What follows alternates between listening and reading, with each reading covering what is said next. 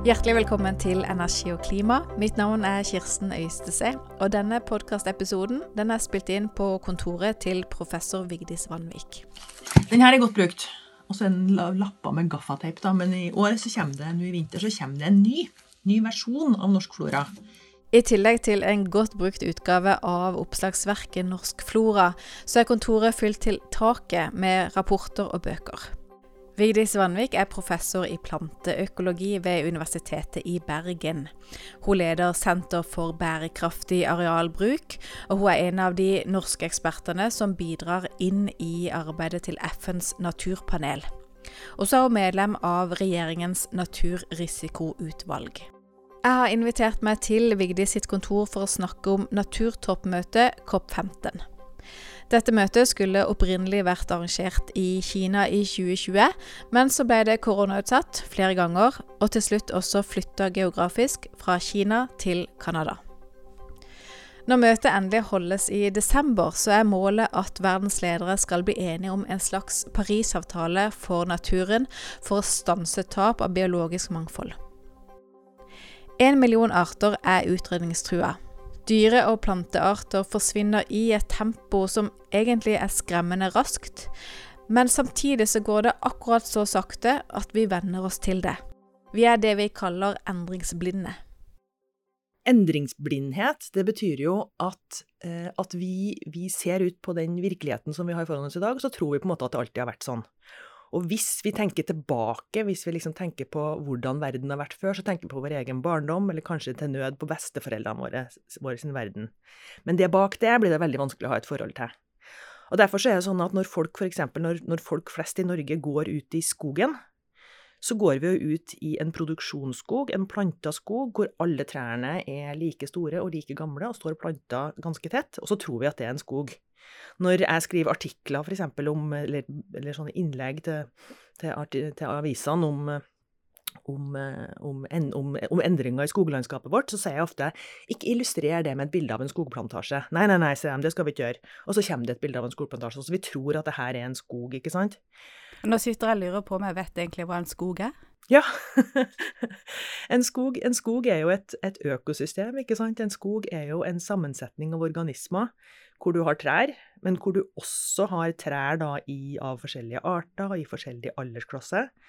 Og så har du noen som et av de trærne, ikke sant? så du har beitedyr. Og så har du noen som et av de igjen, så du har rovdyr. Og så har du massevis av insekter som lever livene sine, og andre organismer som lever livene sine i skogen. Så en skog er et sånt sammenvevd økosystem.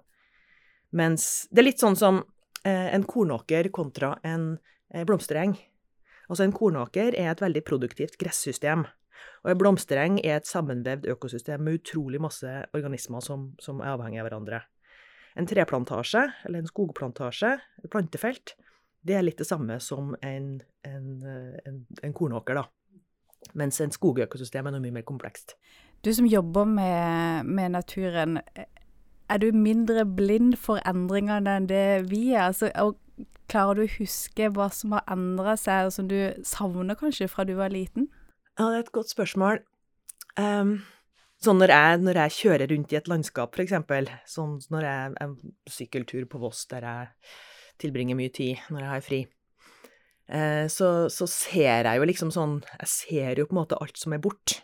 Altså, jeg ser jo på en måte Jeg ser jo hvor lite natur vi har igjen, da. Når jeg ser ut på et grønt landskap, så ser jeg liksom at oi, her har du plantefelt og boligfelt og industri og veier og åkre, og så ser jeg hvor lite som er igjen av den naturlige naturen. Så jeg tror nok at jeg er oppmerksom på det. Eh, men altså, samtidig så er jeg jo heller ikke vant til Altså, jeg er ikke, ikke lenger vant til eh, sånn lydbilde, for eksempel, da. Og sånn, sånn, sånn lyden av eh, fugler og insekter og en del sånne ting som, som, som det var mye mer av før, da. Ikke sant? Når, når fuglene, når mengden, mengden av fugler har også gått ned veldig, ikke sant, og da, da er det rett og slett mye mindre lyd i skogen. Og det er en sånn ting som jeg tror vi, vi glemmer, da. Ikke sant? I min barndom så var det jo fullt av viper eh, i, i åkrene, og det var store Og fugletrekkene så helt annerledes ut, ikke sant? Mens, mens nå så er liksom vipa blitt, havna på rødlista og blitt en veldig sjelden art. Når du ser den, så blir du veldig glad. Mens før så var det liksom en vanlig fugl i, i, i kulturlandskapet. Um, så jeg tror nok at sånn både ja og nei, da. Jeg ser Altså, jeg vet at endringene er der, men sånn i dag, sånn til hverdags, så tror jeg ofte ikke vi, vi, vi, vi aksepterer den naturen og den verden som omgir oss, liksom. Vi, ja. Mm. Du pleier å si at vi må løse klimakrisa samtidig som vi løser naturkrisa. Og med klimakrisa så vet vi at verden blir varmere, og det har alvorlige konsekvenser. Hvordan definerer du naturkrisa? Eh, naturkrisen den består rett og slett i at eh, vi mennesker vi har redusert og vi har påvirka naturen så masse at liksom at de liksom bindingene gjennom de nettverka av arter som, som Sammenhengene i naturen er i ferd med å ryke fra hverandre. Um, sånn, hvis vi tar de helt store tallene, da, så, så er det sånn at, um, at den totale kjøttvekta av livet på jorda har krympa noe voldsomt. Altså plantene som utgjør den store, store eh, overvekten, for bokstavelig talt, av liv på jorda. Eh, mengden med planter det har blitt halvert på jorda siden førhistorisk tid. Det er bare halvparten så mye biomasse av planter på jorda i dag som det var før. Eh, og det er et problem fordi at plantene, gjennom fotosyntesen, så binder jo dem all den energien som vi trenger, og som vi bruker, til mat og til brensel og til klær og til det aller meste som vi gjør. Så når det har blitt halvert, så betyr det egentlig at den verdens beste solcelle, da, energifangekapasiteten til økosystemene på jorda, har blitt halvert. Eh, samtidig så ser vi at, eh, at eh, sånn resten av livet på jorda har også blitt omdanna. Pattedyr, for eksempel. Eh, mengden pattedyr har faktisk økt på jorda siden førhistorisk tid. Men sånn som det er i dag, så er eh, 60% av alle pattedyr på jorda, det er husdyr. Og 36% av alle pattedyr på jorda er faktisk mennesker. Igjen så snakker vi kjøttvekt. Og dem som kan litt enkel prosentregning, da Det er fire igjen, da? Da er det fire, da er det 4% igjen. Alt annet liv, fra rotter til blåhval, er bare 4% Så det betyr at vi mennesker vi dominerer jordsystemet fullstendig. Altså vi dominerer økosystemene og livet på jorda fullstendig. Og derfor så er det faktisk sånn, Vi har et nytt navn, da. Altså vi snakker om at vi lever i menneskets tidsalder. Vi lever i eh, antroposen, altså i den, den tidsalderen som er, hvor jorda er dominert av mennesker. Eh, og så kan man krangle om når den begynte, og det er det mye forskjellige synspunkter på, men vi lever altså en, på ei jord som er helt dominert av menneskelig aktivitet.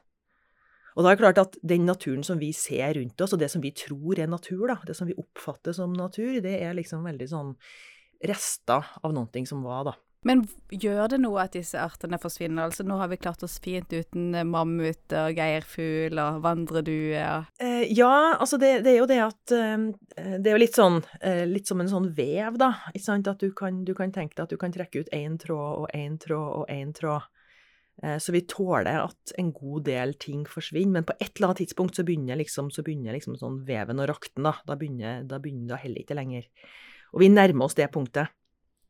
Altså, vi, eh, vi eh, Naturen blir bare rett og slett mindre stabil, mindre robust enn den har vært før. Og samtidig så utsetter vi den for veldig mye større prøvelser.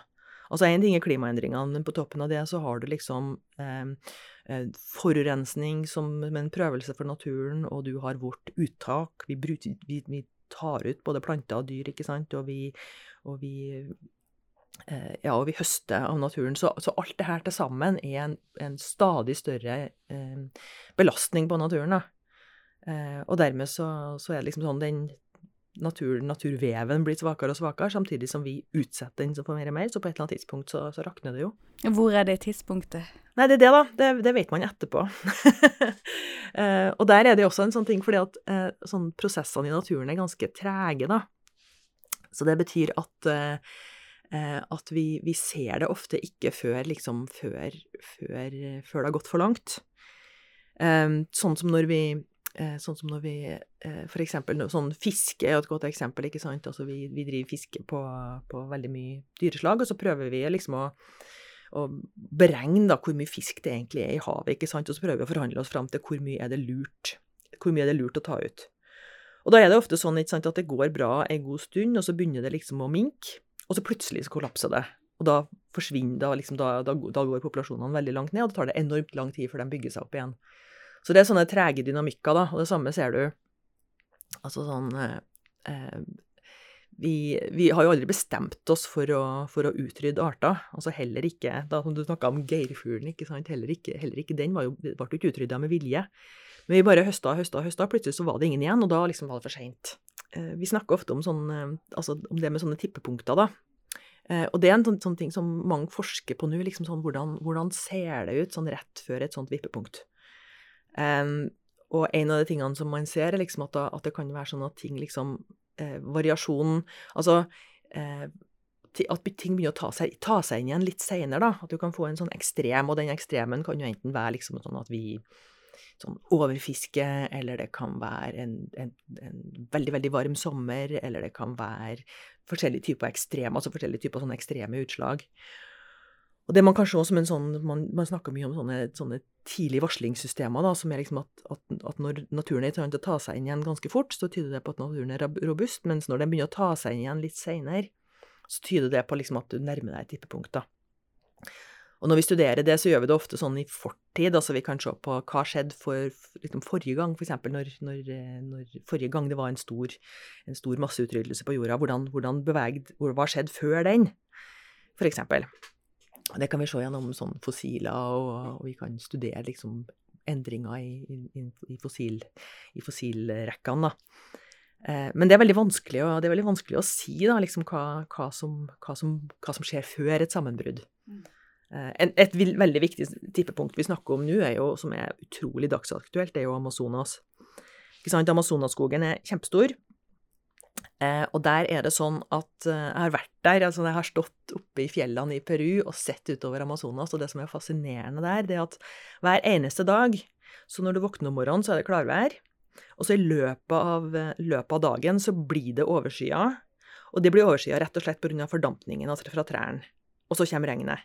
Så, så, så Amazonas har laga sitt helt eget værsystem hvor du har hvor du, hvor liksom, hvor det, du får fordamping og regn og fordamping og regn og fordamping og regn. Og det regnet kommer også opp i fjellene i, i, i sånn opp mot ja, altså Jeg sto i Peru da, og så utover det her. Og det, det regner det hver ettermiddag. Og det regnet kommer fra Amazonas. Og på et eller annet tidspunkt, når det blir for lite skog igjen i Amazonas, så vil det værsystemet bryte sammen. Og når det værsystemet bryter sammen, så vil ikke bare skogen forsvinner og blir en steppe isteden, men da vil også hele det sånn økosystemene oppi de fjellene vil bli helt annerledes, fordi at, de, fordi at det regnet som, som, som, som, de fjellene er vant til, den, den fuktigheten som, den naturen er basert på, den kommer ikke lenger. Så der har du liksom sånn, et økosystem som har laget sitt eget klima, og det trenger å være av en viss størrelse for å klare å opprettholde det klimaet. Hvor alvorlig er situasjonen da for Amazonas nå, sånn som du ser det? Um, der har, jo, har, de jo da begynt å altså Der snakker jo en del av de forskerne som jobber med Amazonas, de snakker jo om at vi ser sånne tippepunktindikasjoner. da. Vi ser liksom at når etter en tørke f.eks. så tar skogen og, og været seg litt saktere igjen. Så der ser vi jo akkurat de her, de her uh, advarslene. Så folk, folk, er genuint veldig bekymra og mener at vi er på vei inn i det, i det tippepunktet for Amazonas, da. Så det er ikke sånn Og det det syns jeg også er en sånn Altså, vi snakker ofte om at vi har Altså, når det gjelder klima, så snakker vi ofte om at vi har i løp, Vi har fem år igjen, liksom, vi har ti år igjen i løpet av de neste ti årene, i løpet av de neste fem årene, så må vi. Uh, og det, det, blir en sånn feil en veldig sånn, Jeg tenker at det er en veldig feil måte å snakke om ting på, for at det vi hører da, og det politikerne våre hører, er jo at OK, da må vi begynne å tenke på det her om fem år. Men det er ikke sånn, altså poenget er at vi må ha løst det om fem år. Og både når det gjelder klima og når det gjelder naturtap, så er det også sånn at at, at det, altså, ja, vi kan tenke på tippepunkter, men, men vi, har, vi, har, ikke lyst til å teste ut den grensa, egentlig. Så når, når, vi sier at den driver og nærmer seg et tippepunkt i Amazonas, og vi kan ikke se helt hvor det tippepunktet er, men vi tror vi nærmer oss det, da burde det være en da, Reaksjonen på det burde være ok, da slutter vi å høgne den skogen, istedenfor å bare fortsette å hogge den, og så liksom etterpå kan vi komme og si at ja, nå passerte vi det tippepunktet. For da er det veldig vanskelig å komme tilbake, da.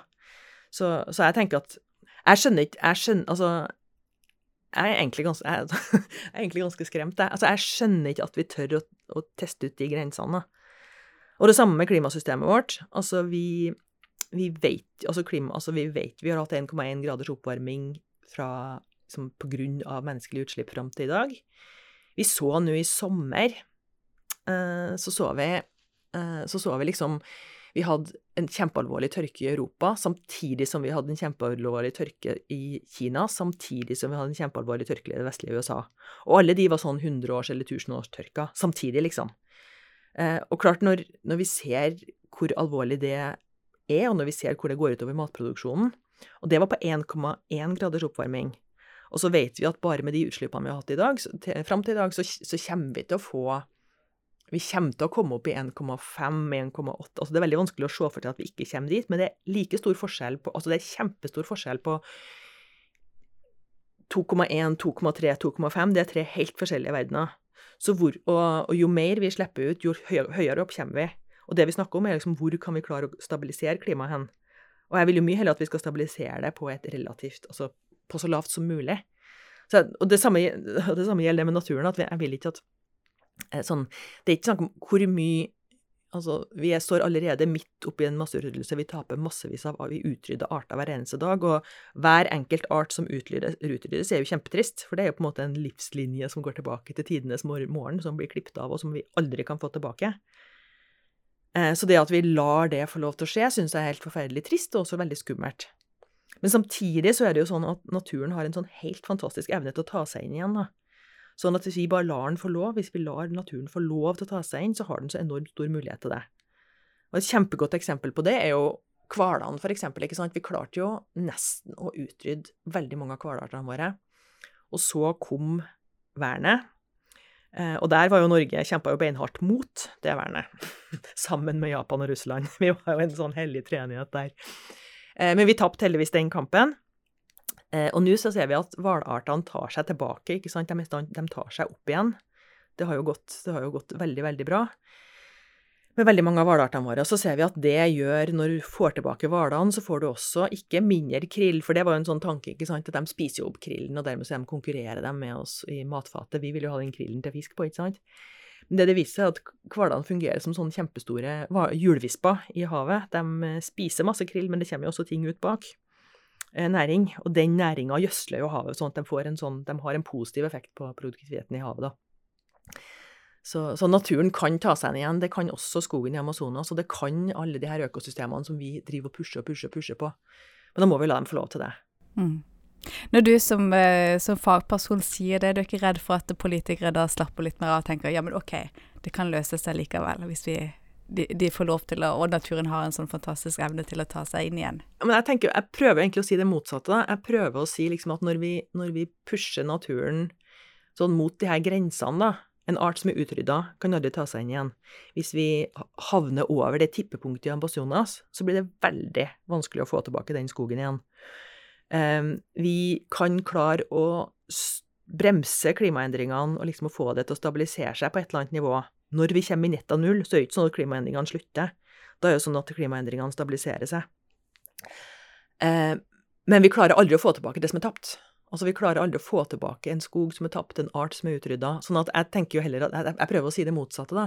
At jeg vil ikke at vi skal gå Jeg vil ikke at vi skal vi, vi pusher de grensene nå. Jeg vil at vi skal stoppe før vi går over de. Fordi at det finnes et sted hvor det er for seint.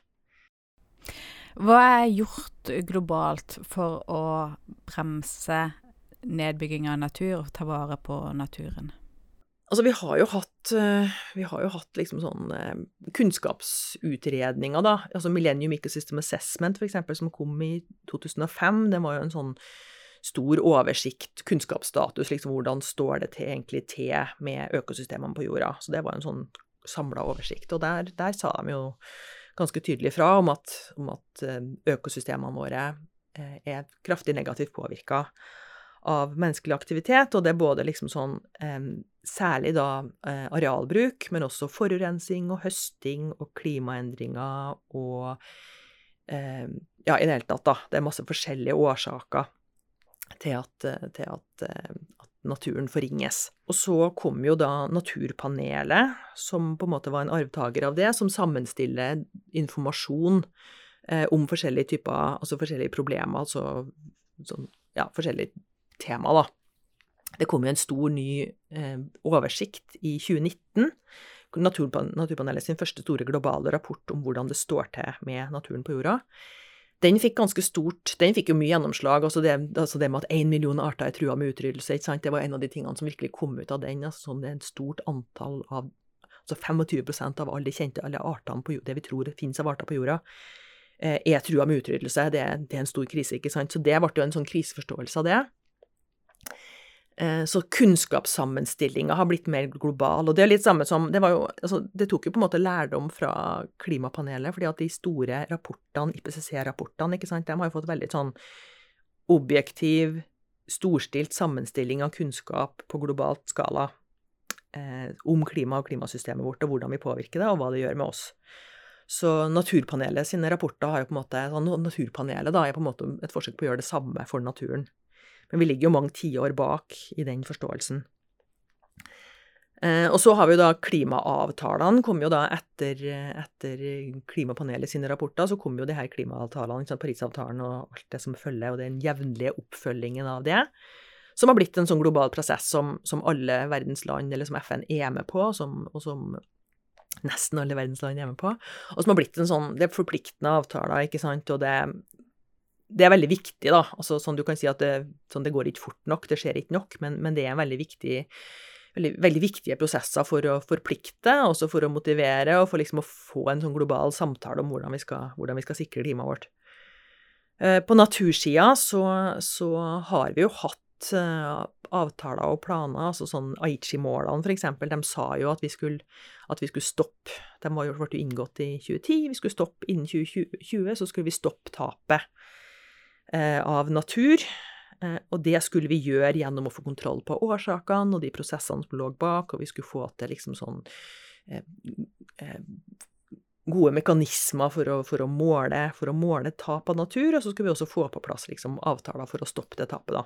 Og dette ble man enige om i 2010, sant, ja. i, Japan, fordi det hasta å redde naturen? Ja. Det ble det. I Norge så tok det jo litt tid, da. Det tok vel også en seks års tid fra å komme fra at vi hadde liksom vært med på den avtalen, til å til å faktisk lage en handlingsplan for hvordan vi skal gjennomføre den. Da. Så det var jo interessant i seg sjøl. Liksom, når man har ti år på seg, så velger man å bruke de seks første på å lage en handlingsplan, så sier det seg sjøl at ambisjonsnivået var kanskje ikke sånn helt på topp. Og så i 2020, da, når man liksom tok en vurdering av hvordan, hvordan har det gått, så viste det seg at uh, Norge hadde ikke klart å oppfylle det eneste av Aichi-målene. Så, så, det var liksom sånn Måloppnåelsen var null, da. Så det er jo Du kan jo ikke gjøre det så mye dårligere enn det.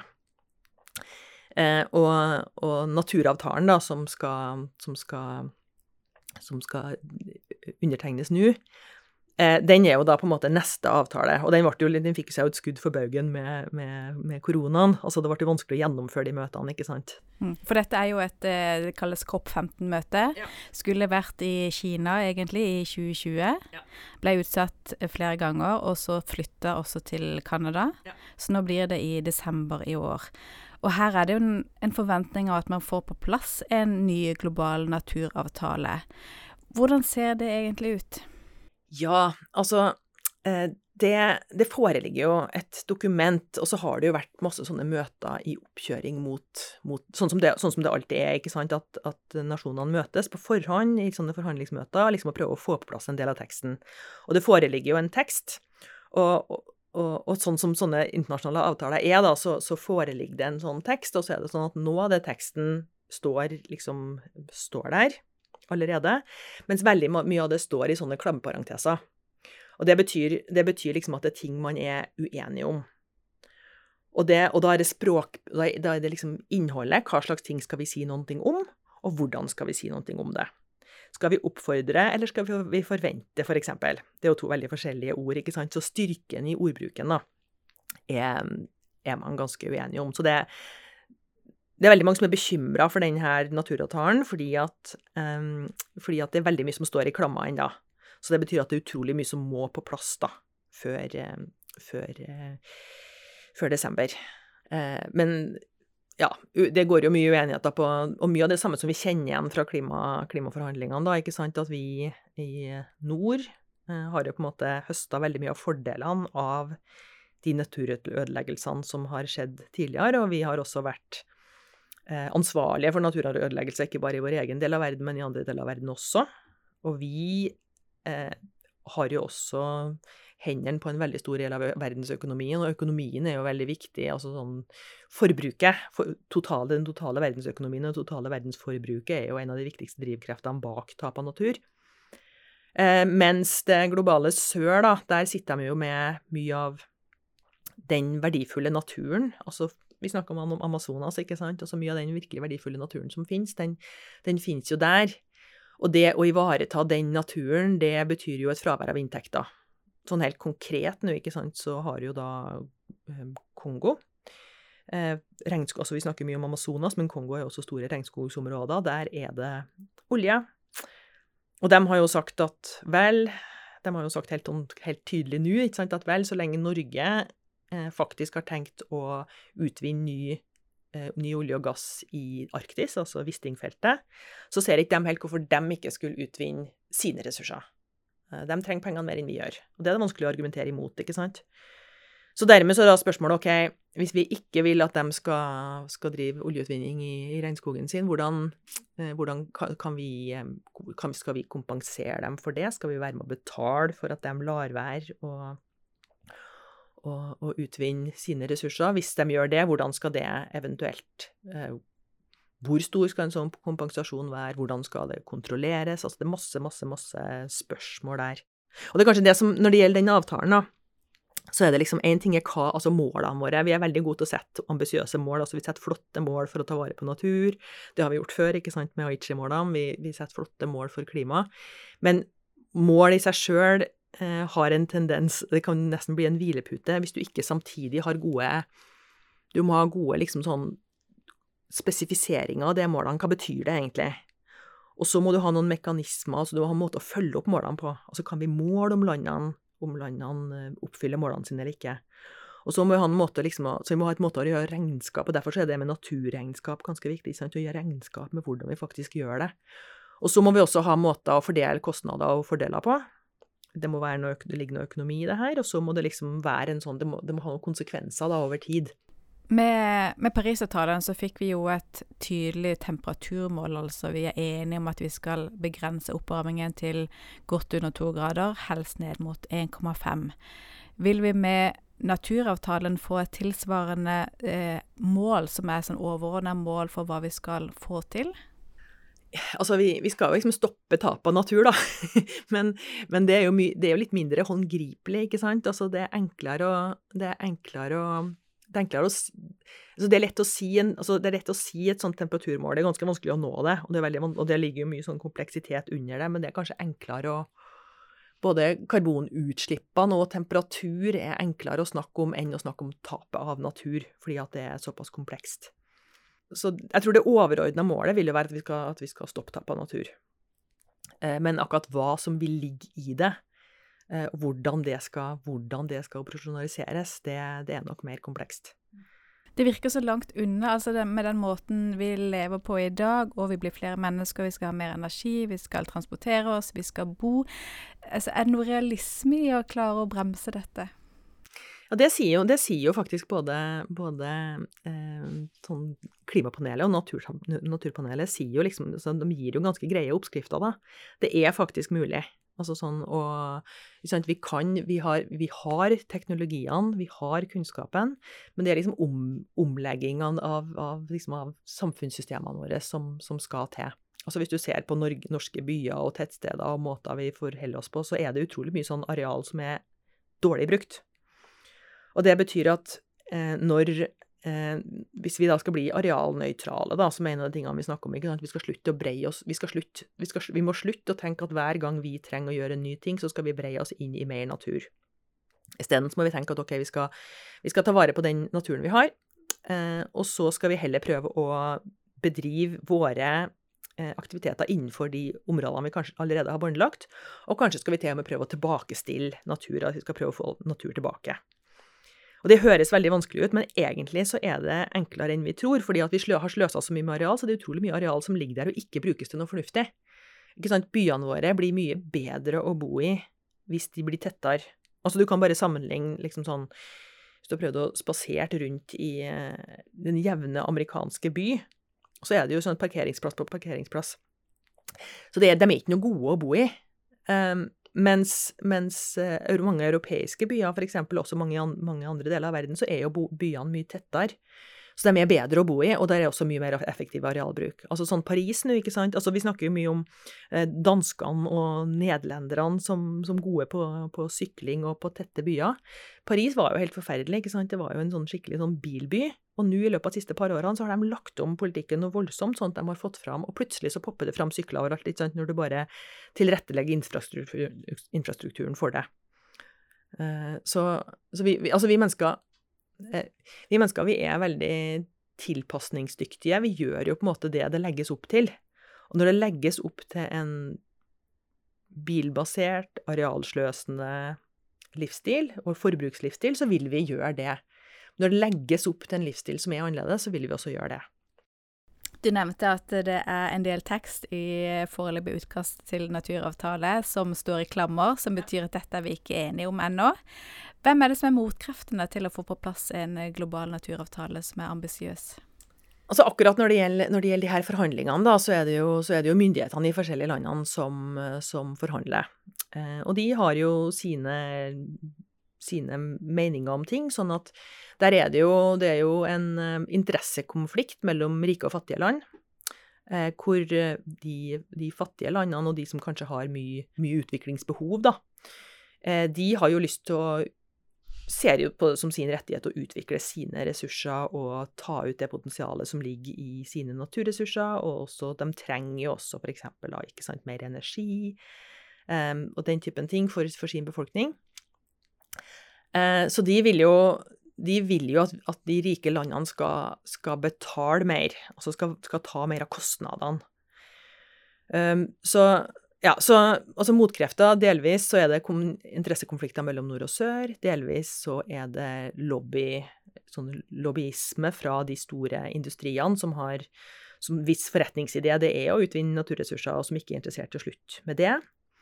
Eh, og så har du også sånne, sånne, populistiske bevegelser i folk, altså hvor folk liksom er, ikke, ikke helt ser, da, sånn eh, Vi klarer ikke å snakke opp den framtida. Altså sånn, eller vi må, vi må, bli flinkere da, til å snakke opp den, snakke den framtida som noe bra, eh, og ikke som noe dårlig.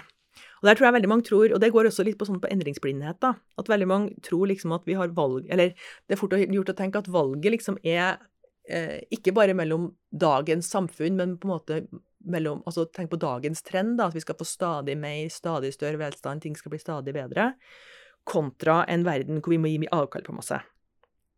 Eh, og da er det jo lett å tenke at vi vil jo heller ha det sånn, vi vil heller være på den, på den liksom velstandsbølgen vi har vært siden i mange tiår, ikke sant, vi vil heller fortsette den bølgen, enn å gå inn for landing. Eh, men det er egentlig ikke det valget vi har. ikke sant? Valget vi har, er mellom en framtid med mer av de, av de, ekstreme værutslagene og de, de, utslagene vi så nå i sommer, mer tørke, vanskeligere tilgang på mat, eh, problemer, ikke sant? alle disse problemene. Så vi har sånn valget mellom den framtida og ei framtid hvor ting faktisk blir bedre, da. Altså hvor vi får eh, grønnere byer, bedre leveområder, eh, sunnere mat. Vi får Altså det er veldig mye positivt å hente i i en, i en bærekraftig framtid. Og det klarer vi ikke helt å, å snakke opp, da. Og dermed så, tro, så, så, tror jeg folk ser på det som avkall, og ikke som At vi må gi avkall på ting, og ikke at vi, at vi får mer. Men i virkeligheten så får vi jo, så, så vil jo det være, en, være mye bedre liv for oss. Hvis du fikk bestemme, hvilke avtaler og hvilke politikk skulle vi hatt på globalt nivå og på nasjonalt nivå for å bremse den endringen av naturen som vi har holdt på med til nå? Oi. For det første så, så tror ikke jeg vi skal la meg bestemme, nå. Fordi at jeg kan, jeg kan, forferdelig masse om eh, biologi og planter og økosystemer og den slags type ting, og så kan jeg veldig lite om hvordan et samfunn eh, fungerer, altså hvordan du får et samfunn til å fungere. Så, så, det tror jeg egentlig ville vært en sånn grønn diktator ville vært en skikkelig dårlig idé. Det hadde ikke funka. Men når det gjelder med sånn, så hva jeg ønsker meg da, av den naturavtalen, så ønsker jeg meg en, en ganske tydelig avtale. Og så ønsker jeg meg en, en avtale hvor, hvor vi får, eh, får, veldig tydelige mekanismer for hvordan måloppnåelse skal Altså hvordan vi måler måloppnåelse. Eh, og hvordan vi fordeler kostnader og inntekter. både ved å bruke natur og ved å la være å bruke natur. Så det jeg ønsker meg, er politikere som, som, som sier at når vi har hatt 70% nedgang i sjøfuglene våre, og når vi er i ferd med å miste utrolig mange verdifulle eh, arter og naturtyper og sånne ting, så er det et kjempestort tap for samfunnet vårt. Så vil, vi vil ikke være med på det. Og for å forsikre oss, for å være trygge på at det ikke skal skje, så er vi nødt til å sette noen grenser. Eh, og når vi setter de grensene for eh, samfunnsutviklingen, eh, så, skap, så er det ikke at det skaper hindringer, men at det skaper muligheter. Så jeg ønsker meg politikere som snakker opp de mulighetene. Jeg ønsker meg veldig tydelige regler for hvor grensene går, og så ønsker jeg at vi går foran, i, i, vi i den rike delen av verden går foran. Jeg ønsker meg veldig tydelige regler for hvor grensene går, sånn at næringslivet og alle kan, kan vite, liksom Hvilke grenser tenker du på da? Eh, da tenker jeg f.eks. På, på nedbygging av mer natur, da. Altså det å sette grenser og si at nå skal vi rett og slett ikke bygge Altså arealnøytralitet, da. Vi skal rett og slett ikke bygge ned mer natur. Eh, og ta konsekvensen av det. Og si, og si at liksom, hva slags politikk trenger vi? Altså hva slags politikk trenger vi for at vi skal klare å holde? Og sette et sånt mål og holde det. Um, og, og, hvordan så, ja, så jeg ønsker meg mye mer, jeg ønsker at de tingene går foran. Da, for sånn som, det, sånn som, det, er i dag, så sier vi at vi prioriterer natur, men vi prioriterer det alltid etter alt mulig annet.